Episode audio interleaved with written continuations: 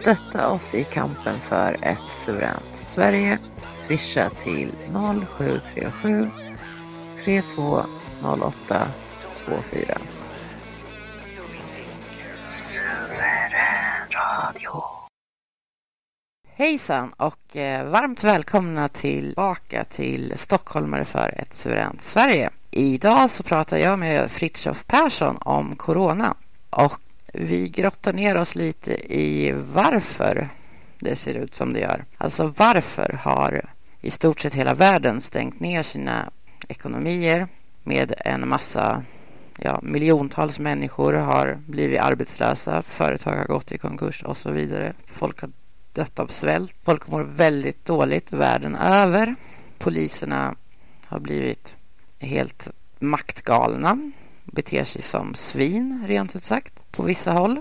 Sverige är ju relativt lyckligt lottade, konstigt nog, skulle jag vilja tillägga. Men det är väl bara att tacka och se glad ut så länge det varar. Vi får väl se. Vi hoppas på att det varar, men det vet man ju inte. Fritiof har en eh, teori om att eh, motivationen var ekonomisk. Det kanske låter lite konspiratoriskt och konstigt. Jag tycker absolut att ni ska höra hans förklaring. Därför att det är väldigt intressant. Och när man har förstått hur han resonerar så låter det inte riktigt lika konspiratoriskt och konstigt längre. Så häng med! Hej! Jag tänkte fråga om du skulle vilja svara på ett par frågor angående corona. Visst, absolut. Jag tycker det verkar lite överdrivet att stänga ner halva världen för ett ja, influensavirus. Har du någon teori kring varför de har gjort så här som de har gjort? Varför det har blivit sån hysteri? Alltså först, låt oss bara betrakta corona, göra en sammanfattning. Alltså, per min åsikt, det är första gången i mänsklig historia någonsin som hundratals miljoner människor antingen har blivit tvingade per lagstiftning alternativt blivit lurade och stanna hemma, alltså inte jobba. Och eh, stora moderna ekonomier, Tyskland, USA, England, Frankrike, de har ju stängt ner sin industri, sin ekonomi i en 7, 8, 10 veckor. Och eh, det här, det är unikt i mänsklighetens historia, har aldrig tidigare skett. Vi Nej. måste betrakta, vi måste betrakta corona ur det ljuset. Jag påstår att eh, corona, jag vill inte gå in i de medicinska aspekterna av corona därför att jag är själv ingen läkare. Jag har inga kunskaper om, om corona ur ett medicinskt eh, perspektiv. Men jag påstår att corona det är ett biologiskt stridsvapen. Alltså militärer, de känner till begreppet ABC-vapen Och B, det står för biologiska vapen, alltså sjukdomar. Och för mig så är det ju helt uppenbart att corona, det är en konstruerad sjukdom som eh, släpptes ut i för Fed Reserves del perfekt tidpunkt. Därför att Fed Reserve och andra riksbanker de eh, hade skapat väldigt stark inflation och de höll på att tappa kontrollen över världsekonomin. Nämligen räntorna på de amerikanska statspapperna, de började skjuta upp i januari 2020. Och det här problemet, det hade börjat i september 2019 på den amerikanska repo market. Det är alltså en marknad där banker lånar pengar av varandra. Och där hade Fed Reserve sedan september 2019 gått in och stöttat den marknaden med likviditet, pumpat in ofantliga belopp med, med pengar. Och det här skedde under Lehman Brothers då också, men då fick det ny nyhetsuppmärksamhet. Men idag så fick media order att hålla truten om det här. Så det skedde i lundom utan allmänhetens kunskap. Och sen blev det stegvis sämre, sämre, sämre och till sist så tappade Federal Reserve, alltså i januari 2020, kontrollen. Och eh, hade vi inte haft corona idag så hade vi haft en monetär härdsmälta där jag vill påstå den amerikanska dollarn hade kollapsat och vi hade haft global hyperinflation. Maffian hade alltså skapat corona, hade corona berett och klart och släppte sen ut corona i exakt rätt ögonblick. Och nu ska jag bara argumentera varför corona är deflationärt. Först bör vi utreda begreppen inflation och deflation, så vi definierar dem först. Mm. Alltså, inflation, det är när penningmängden utökas. Och en konsekvens av detta, det är att priserna stiger. Och deflation, det innebär att penningmängden krymper och då sjunker priserna. Det är alltså en riksbank, eller förlåt en centralbank, som bestämmer prisnivån i landet. Det, det, är Riksbanken i Sverige som bestämmer om en villa ska kosta 100 000 eller 50 miljoner. Och eh, då hade de har alltså skapat en tsunami av eh, pengar i sina datorer för att ska stötta den amerikanska dollarn, de amerikanska statspapperna. Och det här höll på att börja glida över in i inflation som därefter blixtsnabbt hade slagit till med global hyperinflation. Men då släppte man lös corona som skapade global superdeflation. Och nu ska jag gå in på argumenten varför corona är deflationärt. Nummer ett, vi har haft, vi har haft och har hundratals miljoner människor som inte arbetar. Alltså ekonomin går ner på noll. Det är väldigt deflationärt. Vi har miljoner företag som har gått i konkurs på grund av corona och, och, ytterligare miljoner företag kommer att gå i konkurs på grund av corona. Ja? Väldigt deflationärt. Och eh, sen finns det ett begrepp som heter money velocity och det innebär på svenska pengaomsättningshastighet. Och eh, det innebär alltså hur snabbt pengar cirkulerar i samhället. Och eh, har man en hög pengaomsättningshastighet, alltså Kalle han tjänar bra pengar, han tankar bilen och, och, och bensinstationen de skyndar sig att bygga en ny eh, pumpstation eh, i en annan stad. Och det ger anställning till byggjobbare som skyndar sig på fredag kväll och supa upp pengarna som går till krogkassan. Och han åker till semester på Mallorca. Och alltså pengarna cirkulerar snabbt. Det är pengaomsättningshastighet. Och cirkulerar pengarna snabbt genom samhället, då är det inflationärt. Men idag så har jag, jag vill påstå att den monetära omsättningshastigheten, den har sjunkit kraftfullt. Därför att folk sitter hemma och de är rädda. Mm. Ur, en, ur en global skala alltså. De Mm. åker inte på semester, de konsumerar inte. Och, och då sjunker den globala monetära pengaomsättningshastigheten, inte ner till noll, men det måste vara på extremt låga nivåer. Och det stoppar all inflation för att du kan inte ha stark inflation och absolut inte hyperinflation om, om du har pengaomsättningshastighet noll.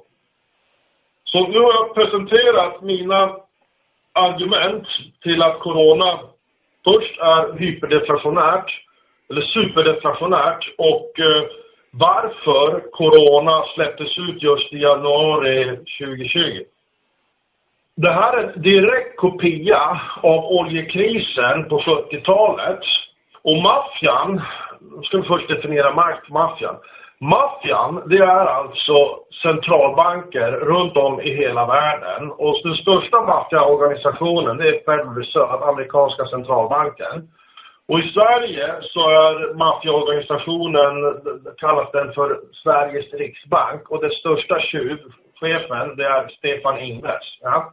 Det är de som organiserar plundring på global respektive nationell nivå. Och sen finns det ett till maffiainstitut, det heter BIS, Bank of International Settlements. Och det är en form av maffia-maffia-organisation. Och där är ärkeskurken Stefan Ingves styrelseledamot.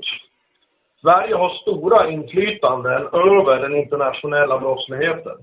Corona är en direkt kopia av oljekrisen från 70-talet. Och eh, vad som kännetecknar de här två scenarierna det är att först så finns det en lång period av inflation. Och det har vi haft nu under, under ända sedan 2008. Där, där eh, riksbankerna och centralbankerna har producerat mycket pengar. Samma sak var det på 70-talet. Och sen pang, plötsligt slår en helt oväntad deflationär chock till. Och eh, på 70-talet så blev det då krig eh, i Mellanöstern och så exploderade oljepriset flera multiplar uppåt. Och på den tiden så kostade det kanske bara 3-4 kronor att tanka eh, på, på, i Sverige. Ja. Och eh, om man har en ekonomi som är totalt beroende av energi, alltså olja, och sen så ökar oljepriset med en faktor 7, 8, 10 gånger, vilket skedde, så är det ju självklart otroligt deflationärt. Eh, På samma sätt som corona också är idag otroligt deflationärt. Så de här skurkarna, de använder samma stöldtaktik och det är en lång period av inflation följd av plötslig och totalt oväntad, skickligt maskerad deflation. Då kom ju den här eh, coronakrisen väldigt lägligt. Ja, självklart. Och det här var, jag betonar, det var inte slump att den kom. Utan corona var förberett sedan många, många år tillbaka. Det enda det handlade om, det var tidpunkten när corona skulle släppas lös. Och självklart så är det ju så arrangerat att corona släpptes lös i Kina. Och då får USA chansen att peka finger på Kina och säga fula, otäcka, gula kineser. Ni släppte ut corona till hela världen. Och, och det är ert fel. Och så kör man igång ett traditionellt blame game, alltså lägga skulden på någon.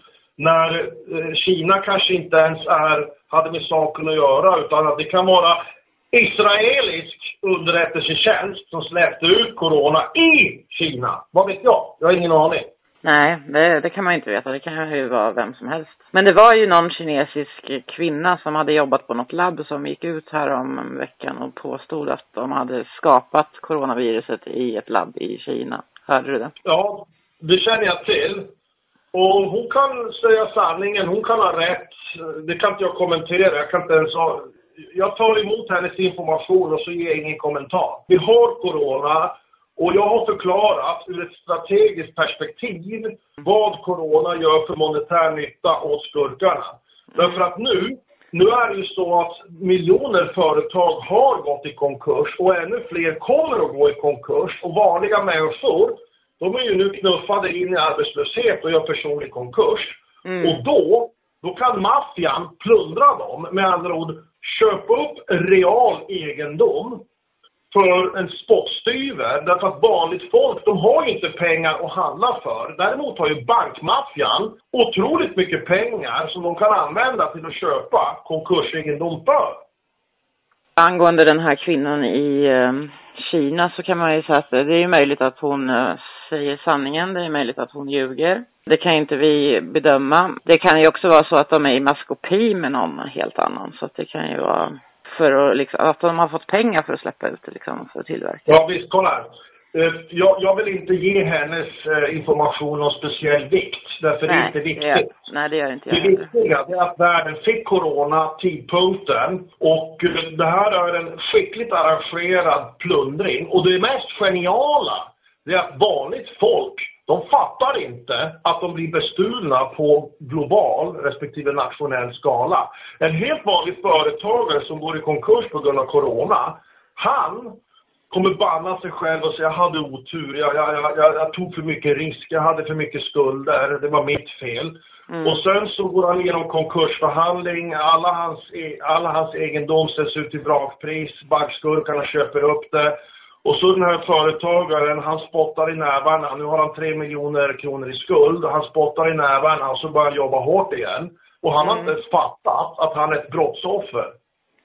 Det är det här som är det genialiskt skickliga. Alltså, de här kackerlackorna, de är ju fantastiskt skickliga på att stjäla på global respektive nationell skala. Och vanligt folk, de begriper inte ens att de blir bestulna. Hur länge tror du att de här restriktionerna globalt sett kommer att, att förbli, kvarstå?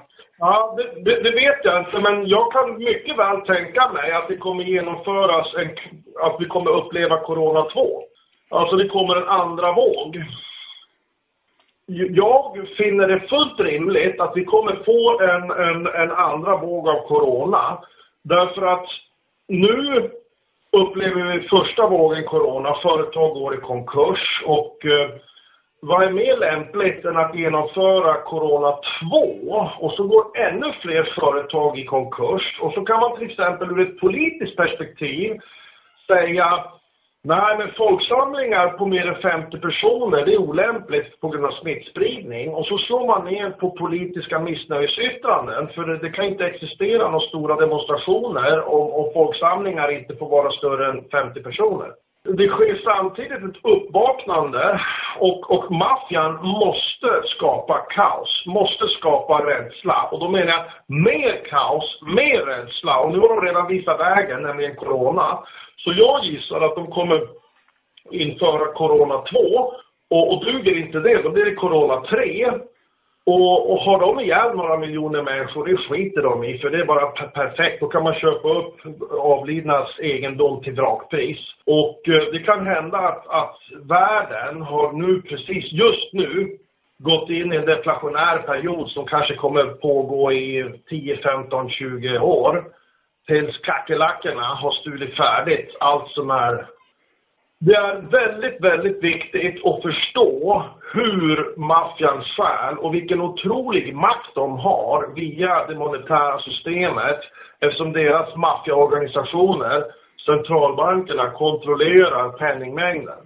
Det är, det är centralbankerna som bestämmer om det blir inflation eller deflation. Men det här med att det skulle ha blivit eh, hyperinflation, vad skulle det ha inneburit om inte corona hade kommit? För oss vanliga människor.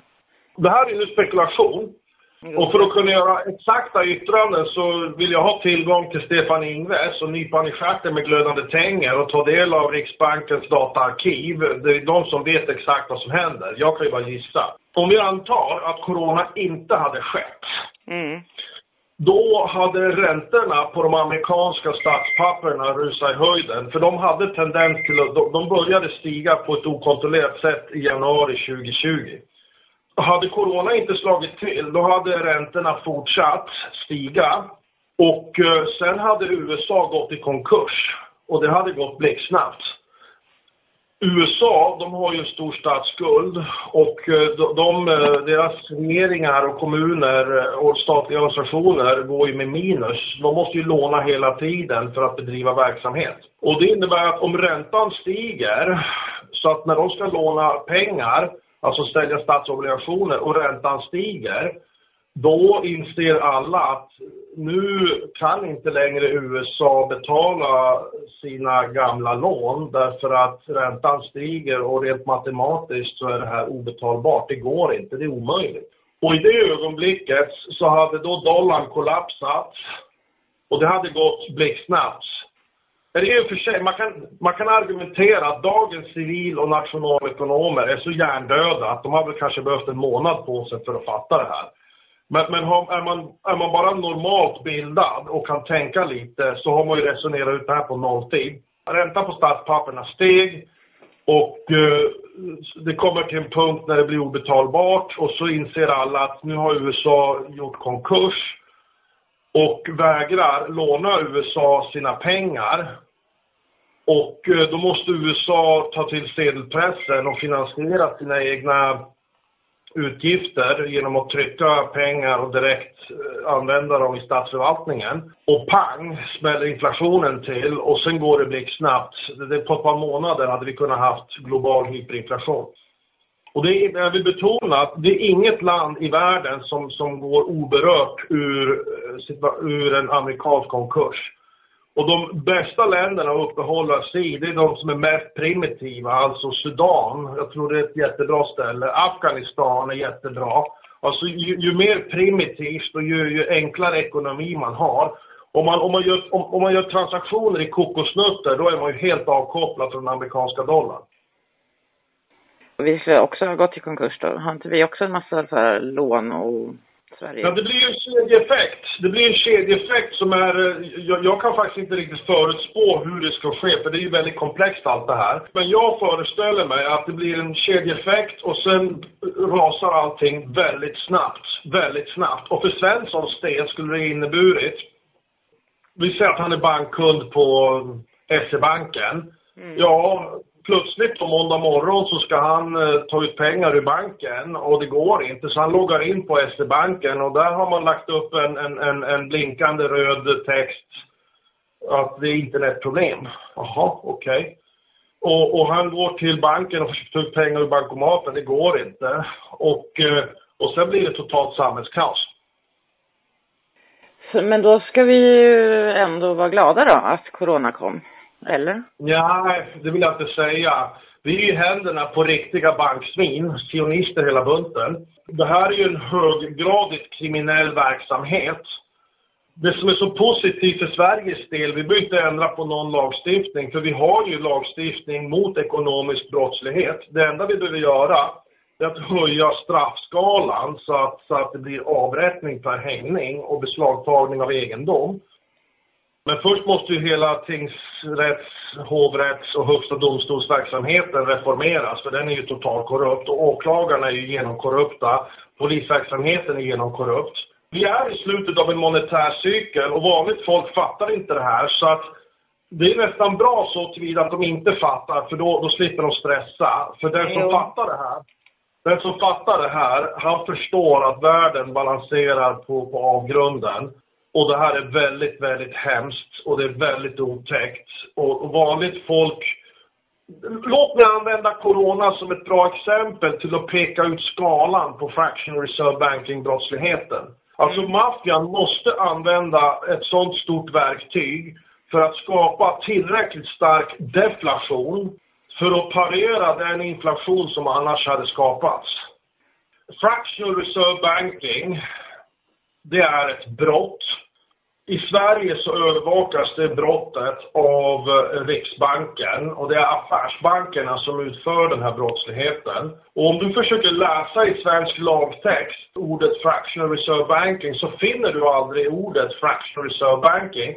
Utan du måste läsa lagtexten och mellan raderna och förstå hur systemet är utformat och, och få en djupare insikt i hur utlåningsverksamheten av pengar går till. På grund av att kapitaltäckningskravet är mindre än 100% så får man fractional reserve banking. Alltså Kalle går in på banken och sätter in 1000 spänn på sitt bankkonto. Och han strikt formellt gör det att han lånar ut 1000 spänn till banken.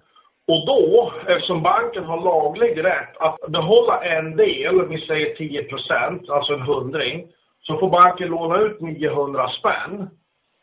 Och då gör de det.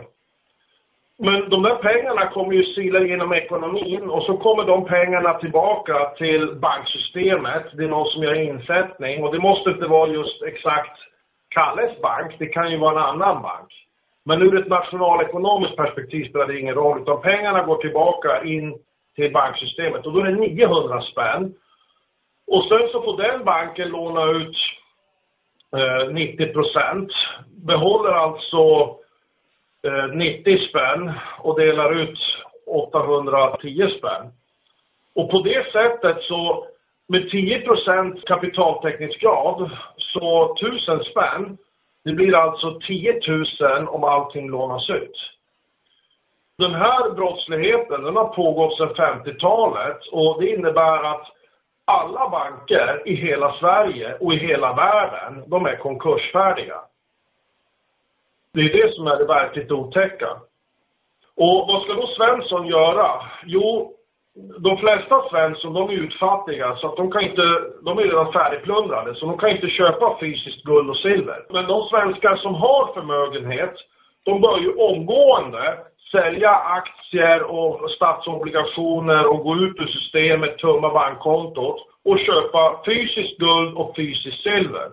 Och sen förvara den här metallen på någon, någon säker plats och bara avvakta den, den ekonomiska härdsmälta som, först, som kommer att komma. Men innan han hon köper metall så bör ju han hon eh, förbereda för kris i enlighet med myndigheten samhällsskydd och beredskaps beredskapsinstruktioner. Och den kommer. Och maffian vet om det därför det är maffian som leder in samhället in i kris. Eh, men då ska man inte lägga guldet i ett bankfack, eh, antar jag? Nej, självklart inte. Då är man ju efterbliven och dum i huvudet. Utan, eh, ja, precis. Det fattade till och med jag då. Nu då, till lösningen. Hur ska det här problemet lösas? I Sverige så finns det bara ett parti som vågar prata om fractional reserve banking och det är populisterna. Men vi har ju till och med klurat ut en lösning på det här problemet det är familjen Wallenberg och som leder den svenska brottsligheten. Och folkhemmet tillsammans med familjen Wallenberg har stulit och stulit och stulit och stulit i Sverige med verktygen bankkrasch, organiserad bankkrasch, för det är, bank, det är centralbanken som utlöser bankkraschen genom att dra in likviditeten. Så då vet maffian när det blir bankkrasch och då kan de positionera sig rätt. Och eh, det här är ju grov marknadsmanipulation. Vi har ju lagstiftning mot sånt i Sverige. Den andra varianten det är inflation och inflationen skapas inom ramen av fractional reserve banking i samband med utlåningen. Och den tredje varianten det är eh, att vara i kontroll över systemet, alltså det är maffian som har järnkontroll på ekonomin och det monetära systemet och styr allting, kan därmed vara och stjäla överallt. Vi gör ett inventur, vem äger vad? Och då menar jag real egendom. Och gör vi en noggrann inventur så kan man inte bevisa att man äger någonting, då tillfaller den egendomen staten. Och då kommer vi upptäcka att det är familjen Wallenberg och övriga skurkar som äger en, jag gissar, 50, 60, 70, 80, 90 procent av all real egendom i hela Sverige. Och de gör det via bulvanföretag, så att ett företag äger en bit skog och det företaget ägs av ett annat företag som ägs av ett schweiziskt företag som ägs av ett tyskt företag som ägs av eh, familjen Wallenbergs företag Investor. Men, så det gäller ju att bena ut vem äger vad. Men när man har gjort det, då kommer man konstatera att det är familjen Wallenberg och folkhemsmaffian som äger 60, 70, 80, 90 procent av all real egendom i hela Sverige. Och så deklareras den egendomen till att vara stöldgods den konfiskeras i stil med Karl XIs lilla stora reduktion som skedde på 1680-talet. Alltså den lilla och stora reduktionen, 1680-talet, Karl XI. Därefter så har vi förmögenhetsmassa. Och då menar jag lastbilar, aktier, skogar, real egendom. Värdet av den egendomen ska betalas ut till svensk befolkning per medborgarlön. Så varje svensk får ut då pengar i form av medborgarlön och det är familjen Wallenberg som betalar. Samtliga fractional reserve banking-lån som idag existerar, de ska omförhandlas. Nummer ett, de ska göras räntebefriade. Och därefter så får låntagaren omförhandla sitt lån, alltså amorteringstiden med banken. Men lånet ska betalas tillbaka. Riksbanken måste därefter hålla prisnivån på en konstant nivå. För vi vill inte ha någon plötslig deflation därför då skulle Svensson gå i konkurs. Med andra ord, vi spikar fast Stockholms huspriser till den nivån som idag är. Och så får Svensson tid på sig att amortera bort de här lånen. Genom att Svensson får medborgarlön så kommer den medborgarlönen att hjälpa till amorteringen av de här fractional reserve banking-lånen. Och sen givetvis ska det kompenseras beroende på vem som har blivit mest bestulen. Till exempel om vi har en som föds idag, så då han är då tre fyra timmar gammal säger vi, sitter på BB och skriker. Han är ju så ung så han har inte hunnit bli bestulen av familjen Wallenberg. Med andra ord, han behöver inte ha någon medborgarlön. Däremot tant Agda som är 85 år och har blivit systematiskt bestulen av familjen Wallenberg. För hon har deltagit i folkhemmet sedan hon föddes och blivit systematiskt bestulen. Hon bör kompenseras mera för, för den brottslighet hon har varit utsatt för. Så att eh, rent, rent praktiskt skulle det här innebära att dagens pensionärer, de skulle få en, en större medborgarlön än dagens ungdomar. Men det är bara rätt och rimligt. Det går inte att göra någon sån här total superrättvisa, det är omöjligt. Men vi har ju bra dataunderlag på inflation, så det går ju att kompensera för eh, de grövsta orättvisorna. Och sen ska vi inte glömma bort att straffa svinen. Nämligen, eh, vi ska höja straffskalan för grov ekonomisk oegentlighet. Vi ska höja straffskalan för korruption. Och så behöver vi en bestraffningsministär som tar itu med den här otroliga korruptionen i Sverige. Vi måste rensa ut all korruption från tingsrätter, hovrätter, Högsta domstolen, Åklagarmyndigheten, högsta polischefer. Och det här måste gås igenom fall för fall för fall och det ska göras i stil med Wehrmachts Standrecht. Och eh, det ska vara ordentliga, redliga svenskar, vanliga småföretagare, bönder, arbetare, sådana som fattar något, alltså inte jurister. Och framförallt så ska de inte mesa när det gäller att ta till ordentliga straff. När du säger att du tror att det kommer en andra våg, eh, tror du att det blir folk som blir sjuka, att de släpper ut någon muterad version av viruset? Eller tror du att de bara säger att det är en andra våg för att det gör en massa nya fall då, då som de har, för att de har masstestat? Eller hur tror du att de ska gå till? Maffian märker och vet att det sker idag ett globalt uppvaknande och eh, mm. Det, det, är så ungefär som en sprint mellan folkets uppvaknande respektive maffians maktövertagande. Och maffian har endast en möjlighet. Det är mer kaos, mer rädsla, mer terroristdåd, mer corona.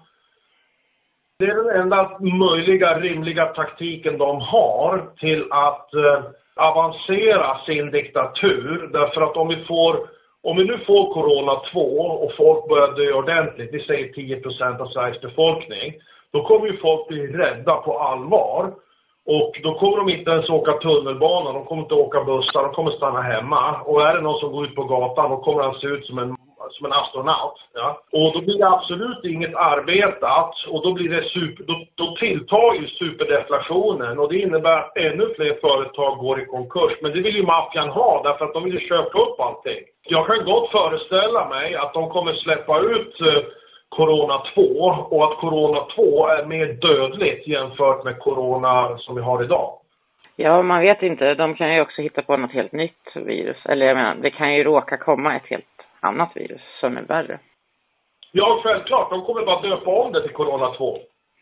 Ja, alltså det kan vara en helt ny sjukdom, men de ger det namnet Corona. Absolut. Man vet aldrig mer om det. Men eh, de, det här med att eh, det är så, polisen beter sig så otroligt illa i vissa länder. Jag tänker ju på Australien och, och bland annat. Hur förklarar man det? Ja, jag vill påstå, alltså jag har ju aldrig varit i Australien och jag känner inte till Australien. Så jag vill inte yttra mig något stort. Men, men jag uppfattar det helt enkelt som eh, att korruptionen har tilltagit i Australien på ett sådant sätt att det blir synbart även för vanliga tv-tittare. Mm. Alltså den, den här välkända videoscenen där det var en helt vanlig småbarnsmamma som blev arresterad i sitt eget hem och bortförd handbojad på ryggen av fyra poliser. Mm. Min personliga åsikt är att de där poliserna, de skulle arresteras och hängas upp utanför huset i närmaste lyktstolpe. Det är just därför vi behöver en bestraffningsministär och det, återigen, det ska vara redligt ordentligt folk som inte mesar. Där, samtidigt, det får inte urarta till någon massaker därför att franska, under franska revolutionen på 1780-90-talet då uppfanns ju giljotinen och det ledde till att minst 40 000 människor blev giljotinerade bara för att folk var uttråkade och tyckte det var kul att titta på när folk blev giljotinerade. Vi vill inte ha ett sånt samhälle, vi vill ju ha, vi vill ju ha rättvisa. Alltså jag, vad jag säger är att brottslingar ska straffas.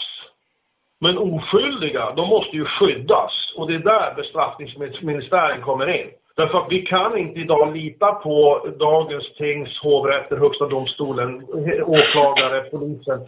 Hela, hela, den, hela justitia idag, det är totalt genomkorrumperat. 100 procent. Det här med Hilda och Ruben, vad är det för någonting? Vill du förklara det? Det finns tre stycken olika halvt hemliga informella sällskap som heter Hilda Ruben och så är det ett namn till, jag kommer inte på det nu. Det här är alltså då någon form av kompisorganisationer där man kliar varandra på ryggen och hjälper varandras karriärer. Det här är total rättsröta. Låt oss gemensamt skapa arrestlistan. Samtliga frimurarorganisationer, deras namnlistor. Hilda, Ruben och Ida. Jag tror den tredje organisationen heter Ida. Eh, självklart arrestera omgående. Och så högsta polischefer, Säpo-chefer, militären arrestera omgående. I, I princip hela riksdagen borde vi också arrestera. Ja. Och så tingsrätter, hovrätter, högsta domstolen arrestera. Eh, och därefter så är det ett par tusen människor och det är därför vi behöver standrecht. Så vi, vi, har, vi går igenom de här enskilda fallen med tempo. En populistisk eh, standrecht ska inte ta mer än två, tre timmar. Vi behöver lite effektivitet. Och då ska vi inte stå och mesa och hålla på och fjanta med några juridiska tödderier utan det handlar om, är det här en landsförrädare, ja eller nej? Och så får vederbörande chansen att förklara sig och och sen så tar vi del av hans yttranden och vi väger bevisbördan och det här är gjort på 20 timmar och sen dömer vi honom och det behöver inte överklagas utan det räcker med en dom. Och sen hänger vi honom direkt, direkt efter, efter domslut. Pang, nästa. Okej. Okay. Ja, det låter ju bra. Nästa steg, det är ju Samtliga polischefer som Dan Eliasson har tillsatt, det är en 300-400 stycken, de behöver åtalas på en gång. De kanske inte är skyldiga till landsförräderi, men de behöver åtminstone avsättas och, och aldrig mera få bli poliser. De, de kan få jobba på McDonalds och städa toaletter istället. Ja, det låter bra. Tillåt mig en mycket snabb sammanfattning. Alltså nuvarande problem och brottet fractional reserve banking, det löses hur lätt som helst. Det enda det handlar om det är våldsmonopolet. Och jag har förklarat nu i den här intervjun hur problemet och brottet fractional reserve banking ska lösas. Maffian har stulit genom att folk inte har fattat, vilket beror på att eh, maffian kontrollerar vanligt folks utbildning, media, så de har inte ens begripit att de har blivit bestulna. Och nu, ohyggligt nog, så blir många pensionärer till och med rånmördade på ålderdomshemmet. Och det här, det är ju fruktansvärt, fruktansvärt, fruktansvärt. Tack så jättemycket för um, att du ställde upp. Absolut. Yes. Tack för att du lyssnade. Dela gärna poddavsnittet med dina vänner och bekanta. Vill du vara med i en framtida podd eller tala på en framtida manifestation? Mejla oss. Vill du stötta oss så swisha till 0737 320824. Håll koll på hemsidan för aktuella uppdateringar. Vi finns på VK och på Twitter så har du VK och eller Twitter, följ oss gärna där. På återhörande. let's go.